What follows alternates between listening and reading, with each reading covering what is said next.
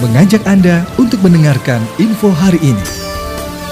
Pemkap Bekasi komitmen sukseskan kota layak anak dan anugerah Parahita Eka Praya. Cikarang Selatan, PLT Bupati Bekasi Ahmad Marjuki membuka secara resmi rapat koordinasi pengaruh utamaan gender yang digelar oleh Dinas Pemberdayaan Perempuan dan Perlindungan Anak DP3A Kabupaten Bekasi di Hotel Nuanza, Kecamatan Cikarang Selatan, pada Selasa tanggal 22 Maret tahun 2022.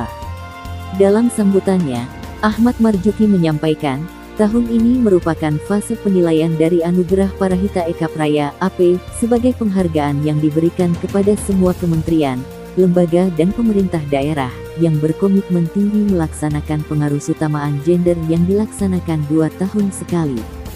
Alhamdulillah Kabupaten Bekasi telah meraih dua kali berturut-turut Anugerah Parahita Eka Praya, yakni pada tahun 2018 dan 2020. Saya yakin selama dua tahun ini, kita sudah memaksimalkan perencanaan dan penganggaran yang responsif gender, dan kita harapkan Pemkap Bekasi dapat meraih predikat madya pada penganugerahan AP mendatang, ujarnya. PLT Bupati Bekasi mengajak seluruh perangkat daerah mensukseskan fase penilaian AP, dengan memberi eviden data program dan kegiatan pengaruh utamaan gender di instansi masing-masing. Untuk program Kota Layak Anak KLA, baru 4 SKPD yang menyampaikan data. Jadi saya mohon bagi SKPD yang masih belum, untuk segera dipercepat, karena akhir bulan Maret harus sudah masuk ke kementerian, lanjutnya.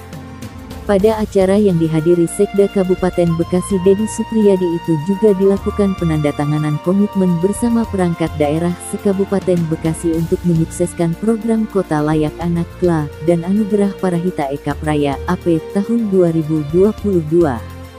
Di tempat yang sama, Kepala DP3A Kabupaten Bekasi, Ani Gustini mengatakan, tujuan rakor tersebut untuk mendukung program yang ada di dinas masing-masing dan berlaku bagi semua SKPD. Insya Allah, dengan penandatanganan ini, semuanya bisa berkomitmen dan mendukung untuk program AP ke depan, katanya.